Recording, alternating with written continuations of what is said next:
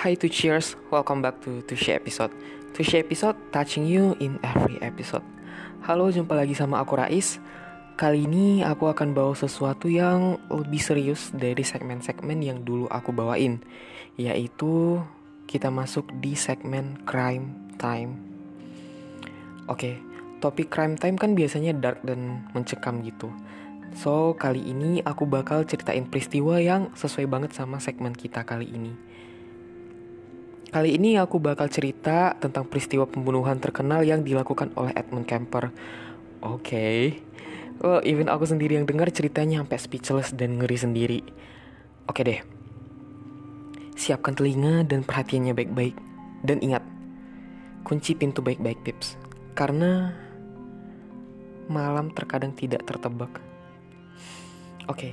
Edmund Emil Kemper adalah seorang pembunuh berantai Amerika yang membunuh enam mahasiswa sebelum membunuh ibunya dan sahabatnya dari September 1972 hingga April 1973. Lahir di Burbank, California pada 18 Desember 1948, Kemper memiliki kehidupan yang tidak menyenangkan. Orang tuanya bercerai di awal kehidupan dan di usia 9 tahun, kedua orang tua Kemper berpisah dan Kemper akhirnya tinggal bersama ayah dan ibu tirinya. Tetapi hal tersebut tidak berlangsung lama karena ia dikirim oleh ayahnya untuk tinggal bersama nenek dan kakeknya. Karena ayahnya menikah dengan wanita lain bersama anak tirinya, dan hubungan antara kakek dan nenek Kemper dengan Kemper pun juga kurang harmonis karena neneknya sama seperti ibunya yang selalu mendorongnya dan mengatakan padanya apa yang harus ia lakukan. Dan di hari Natal tahun 1963, di mana di usia 15 tahun, Kemper membunuh kakek nenek dari pihak ayahnya. Ia mengambil senapan, mengangkatnya ke kepala neneknya, dan menarik pelatutnya.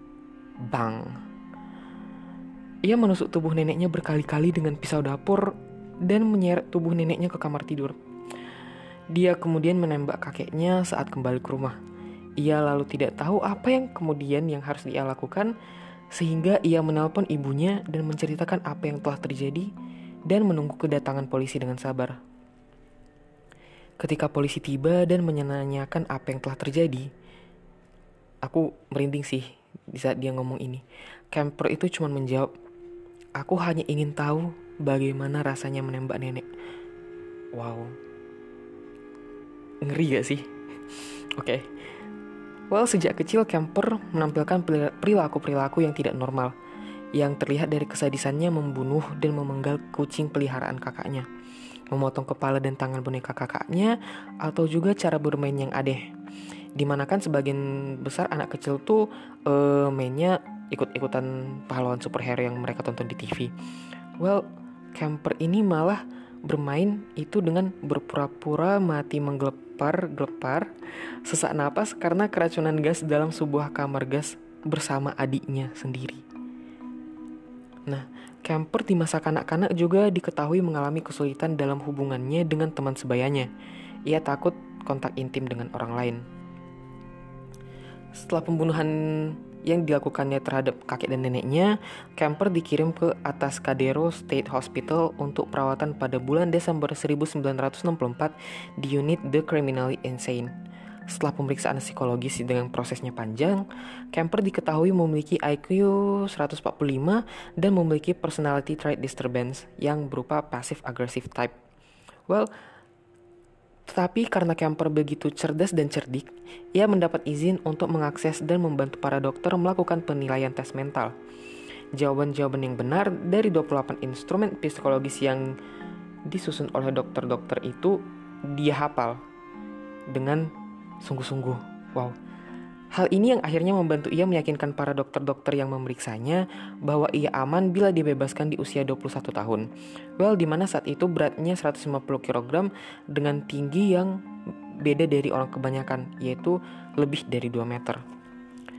Di usia 21 tahun, ia dibebaskan bersyarat dan dikirim untuk tinggal bersama ibunya di Santa Cruz, meskipun para psikiater camper menyarankan agar camper itu tidak dikembalikan ke ibunya jika tanpa pengawasan karena dapat memicu lebih banyak kekerasan. Di saat usia menjelang dewasa ini, camper mengalami masalah dalam berkencan dengan lawan jenis. Kemper menganggap bahwa itu semua karena ibunya. Ibunya selalu mengatakan bahwa Kemper tidak pantas berkencan dengan gadis-gadis karena perilakunya yang aneh. Selanjutnya, Kemper masuk ke perguruan tinggi sebagai persyaratan pembebasannya. Dan well, Kemper melakukannya dengan baik saat berkuliah. Tetapi ia berharap ia dapat masuk ke akademi kepolisian suatu hari nanti. Dia bekerja sebagai buruh, membeli mobil, dan mulai koleksi pisau dan senapan. Well, kemudian ia berhenti dari pekerjaan sebelumnya, lalu mendapat pekerjaan di California Highway Department, yaitu sebagai polisi jalan raya. Ia diterima dalam departemen itu karena para juri polisi menganggap Kemper sebagai pemuda yang sopan, bersuara lembut, pidatonya cerdas dan artikulatif. Ketika ia telah menabung cukup uang, ia kemudian pindah dari rumah ibunya dan tinggal di apartemen bersama teman-temannya. Namun, ia sering kehabisan dua uang dan kadang-kadang ia terpaksa harus tinggal kembali bersama ibunya. Ketika ia berpatroli melewati jalan raya di daerah jalur pulang para mahasiswa, ia melihat para perempuan muda berlalu lalang. Camper kemudian berpikir tentang apa sih yang bisa ia lakukan untuk mereka. Diam-diam ia menyiapkan mobil dengan menyiapkan kantong plastik, pisau, selimut, dan borgol yang ia letakkan di dalam bagasi. Dia berkeliaran di jalan raya, berhenti untuk memberi gadis-gadis tumpangan dalam mobilnya. Itu semua adalah bagian dari sebuah rencana yang ia mulai operasikan di tahun 1972. Ketika dimulainya laporan bahwa para mahasiswa mulai menghilang. Dimulai di tanggal 7 Mei 1972, dilaporkan bahwa Mary Ann Pesk and Anita Luchesa menghilang. Mereka diketahui menumpang mobil seseorang dari Fresno State College ke Stanford University. Tetapi Kemudian gadis-gadis tersebut tidak tiba di tempat tujuan mereka sesuai waktu yang mereka janjikan, serta tidak pulang selama berhari-hari sehingga pihak keluarga mereka menghubungi polisi. Di tanggal 15 Agustus 1972, ditemukan sisa-sisa kepala perempuan di daerah pegunungan yang diidentifikasi sebagai Mary Ann Pask dan tidak ada sisa-sisa lain yang ditemukan. Tetapi polisi mengasumsikan bahwa mereka bertemu orang jahat dan membunuh mereka. Pada tanggal 14 September 1972, seorang siswa tari yang bernama Aiki Aiko Ku menghilang di Berkeley. Sedangkan pada awal tahun 1973, Cindy Scholl menghilang saat akan pergi ke Cabrillo Community College. Seseorang melihat ia mendapat tumpangan dan kemudian pergi begitu saja. Kurang dari dua hari kemudian, ditemukan lengan, kaki, dan tubuh bagian atas wanita yang telah terpotong-potong di tebing yang menghadap Samudra Pasifik. Setelah paru-paru dari tubuh tersebut diidentifikasi dengan sinar X, diketahui bahwa tubuh tersebut teridentifikasi sebagai Shal. Tetapi kepala dan tangan kirinya itu masih belum ditemukan. Ya Tuhan. Oke, kemudian di tanggal 5 Februari 1973, dua orang wanita yang bernama Rosalind Thorpe dan Alice Liu dinyatakan menghilang. Berdasarkan keterangan koran setempat, pembunuh menempatkan mayat-mayat pada polisi pada posisi kepala miring dan lebih rendah dari kaki sehingga darah akan mengalir keluar dan proses pemotongan menjadi lebih mudah. Reporter koran lokal tersebut, Meryl Barker juga menyebutkan bahwa sebelum dibunuh, para korban ditahan dalam jangka waktu tertentu sebelum dimuduh. Ya Allah. Ini sumpah serem banget. Kemudian di tanggal 4 Maret 1973, beberapa pejalan kaki menemukan sebuah tengkorak dan rahang manusia di highway First San Mateo County. Sebuah pol setelah polisi memeriksa tempat kejadian, polisi menemukan tengkorak dan tulang rahang lagi. Polisi kemudian memeriksa daftar orang hilang dan kemudian membandingkan tengkorak dan tulang rahang tersebut dengan ciri Rosalind Thorpe dan Alice Liu. Polisi mendapatkan hasil bahwa Liu ditembak sebanyak dua kali di kepala, sedangkan Thorpe satu kali. Kasus-kasus pembunuhan, pemerkosaan, dan serangan tersebut membuat kepanikan di daerah tersebut. Di bulan April 1973, Edmund Kemper membunuh ibunya, Klarner Sternberg, di Jumat Agung. Ia memotong kepala ibunya. Well, ini disclaimer ya kepada orang-orang yang mendengar karena di sini lumayan brutal. Oke, ia memotong kepala ibunya, mencabut laring tenggorokan ibunya, memotong lidah ibunya dan menjadikan kepala ibunya sebagai sasaran anak panah. Kemudian ia pergi minum bersama teman-temannya dan meminta teman ibunya, Sally Hallett, untuk datang makan malam dan nonton film. Kemper merasa senang bila memikirkan ketika ia pulang, ia akan membunuhnya juga. Setelah ia pulang, ia mendapati teman ibunya dan kemudian memenggal kepala teman ibunya, juga memasukkan kepala ibu dan teman ibunya ke dalam lemari. Setelah kejadian ini, Camper yakin bahwa akan ada yang menemukan mayat mereka dan mengkaitkan pembunuhan tersebut dengannya. Camper pun pergi dengan mobil Sally. Ketika ia menyetir, ia menyalakan radio berharap akan mendengar di berita bahwa seseorang telah menemukan mayat di rumah ibunya. Namun, berita tersebut tidak ada dan ia merasa kecewa. Di saat mencapai Pueblo, setelah berkendara 1500 mil jauhnya, Camper memutuskan untuk mengakui perbuatannya. Ia pun pergi ke telepon umum dan menelpon polisi.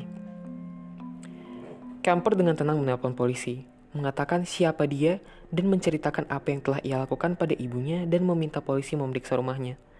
Namun polisi tahu Camper dan berpikir dia bercanda. Tetapi ketika ia memberi mereka gambaran grafik gambaran-gambaran pembunuhan yang ia lakukan, mereka tahu bahwa ia pembunuh. Polisi kemudian memeriksa rumah Kemper. Ketika tiba di rumah ibu Kemper, mereka mencium bau amis. Mereka membuka lemari yang diceritakan oleh Kemper dan menemukan kepala ibu Kemper babak belur karena digunakan sebagai sasaran anak panah. Penyidik pun akhirnya menyadari mengapa mereka selama ini tidak bisa menangkap pembunuh berantai para perempuan di kota mereka tersebut selama begitu lama. Karena selama ini di dalam setiap rapat, perincian penyelidikan di ruang juri, Kemper selalu diikut sertakan. Sehingga hal tersebut memberikan Kemper kesempatan untuk menganalisis apa yang telah ia lakukan dan belajar untuk menyempurnakan tekniknya. Ia menemukan strategi bagaimana cara menangkap korban-korbannya agar ikut ke dalam mobilnya meskipun peringatan-peringatan dikeluarkan untuk siswa di daerah tersebut. Membuat orang merasa aman berada di dekatnya dan cara-cara untuk menghindari tangkapan polisi. Setelah menyerahkan diri dan diinterogasi, Kemper mengaku telah membunuh, mutilasi, nekrofilia, kanibalisme, dan sadisme. Dia juga memberikan rincian pembedahan pada polisi, pemenggalan kepala, dan penguburan. Dia berusaha melakukan hubungan seksual dalam beberapa mayat, beberapa kasus pada mayat-mayat. Aku sampai gaguk ngomongnya, sorry guys. Dan mengakui bahwa ia merasa bergairah ketika memenggal kepala korbannya. Kemper sebelumnya membunuh ibunya dengan memukulnya dengan palu dan mencekik teman ibunya, kemudian memenggal kepala dan tubuh mereka. Setelah dia membunuh ibu dan temannya, ia bermain lempar anak panah dengan kepala ibunya. Wow, oke. Okay. Di ia bermain lempar anak panah dengan kepala ibunya sebagai sasaran dan melemparkan laring juga potongan lidah, lidah ibunya ke dalam tempat sampah setelah mengeluarkannya dari wajah mereka. Ia diseret di Santa Cruz pada April 1973 di delapan tuntutan pembunuhan tingkat pertama. Kemper mengatakan korban-korbannya, mereka sudah mati dan aku masih hidup. Itulah kemenangan dalam kasus saya. Wow. Kemper meminta hukuman mati, tetapi pengadilan memfonisnya untuk penjara seumur hidup meskipun ia telah mencoba untuk bunuh diri dua kali tetapi gagal. Kemper akan melaksanakan sidang terakhirnya di awal 2012. Di mana usianya akan genap 63 tahun. Ini ending dari cerita ceritaku. Even aku sendiri yang dengar ceritanya ngerasa oh my god orang yang terlihat aman itu ternyata bisa menjadi orang yang paling berbahaya untuk kita. Dan apa yang aku baca dan apa yang aku sampaikan ke kalian itu bahkan membuat aku terkejut sendiri. Terutama dengan adegan-adegan dan juga tindakan-tindakan yang ia lakukan kepada korban. Itu betul-betul sadis. Oke. Dari cerita di atas mungkin aku hanya bisa bilang bahwa semoga tusur-tusur yang dengar podcast ini itu bisa lebih aware terhadap dirinya sendiri, bisa selalu jaga diri dengan baik. Kita gak tahu apa yang akan terjadi, karena banyak hal yang tidak tertebak itu mungkin terjadi. Well, stay safe di luar sana, karena kalau bukan kita yang menjaga diri kita, ya siapa lagi? Dan dari cerita di atas juga aku belajar bahwa lingkungan itu penting dalam keluarga. Lingkungan itu penting untuk anak. Orang tua seharusnya bisa menjalin suasana yang harmonis dan aman untuk tumbuh kembang anak. Karena kehidupan kita itu dimulai dari rumah. Jadi jadi jika bekal dari rumah itu tidak ada ya dia ya gimana kita untuk bisa hidup di dalam society kan. Jadi mungkin untuk teacher semua yang dengar mungkin bisa diambil lah uh, pesan moralnya dari cerita ini. Oke deh, baru kali ini aku ngerasa takut dan ngeri sendiri atas skrip yang aku susun, atas skrip yang aku sajikan untuk teman-teman semua. Oke deh, sudah sampai di penghujung segmen kali ini. Terima kasih untuk semua teachers yang sudah mendengarkan episode kali ini. Dan oke, okay, kita sudah sampai di penghujung acara. Aku Rais pamit undur diri. Ingat terus advice aku. Sampai jumpa lagi di episode lainnya di Tushy Episode. Tushy Episode, touching you in every episode.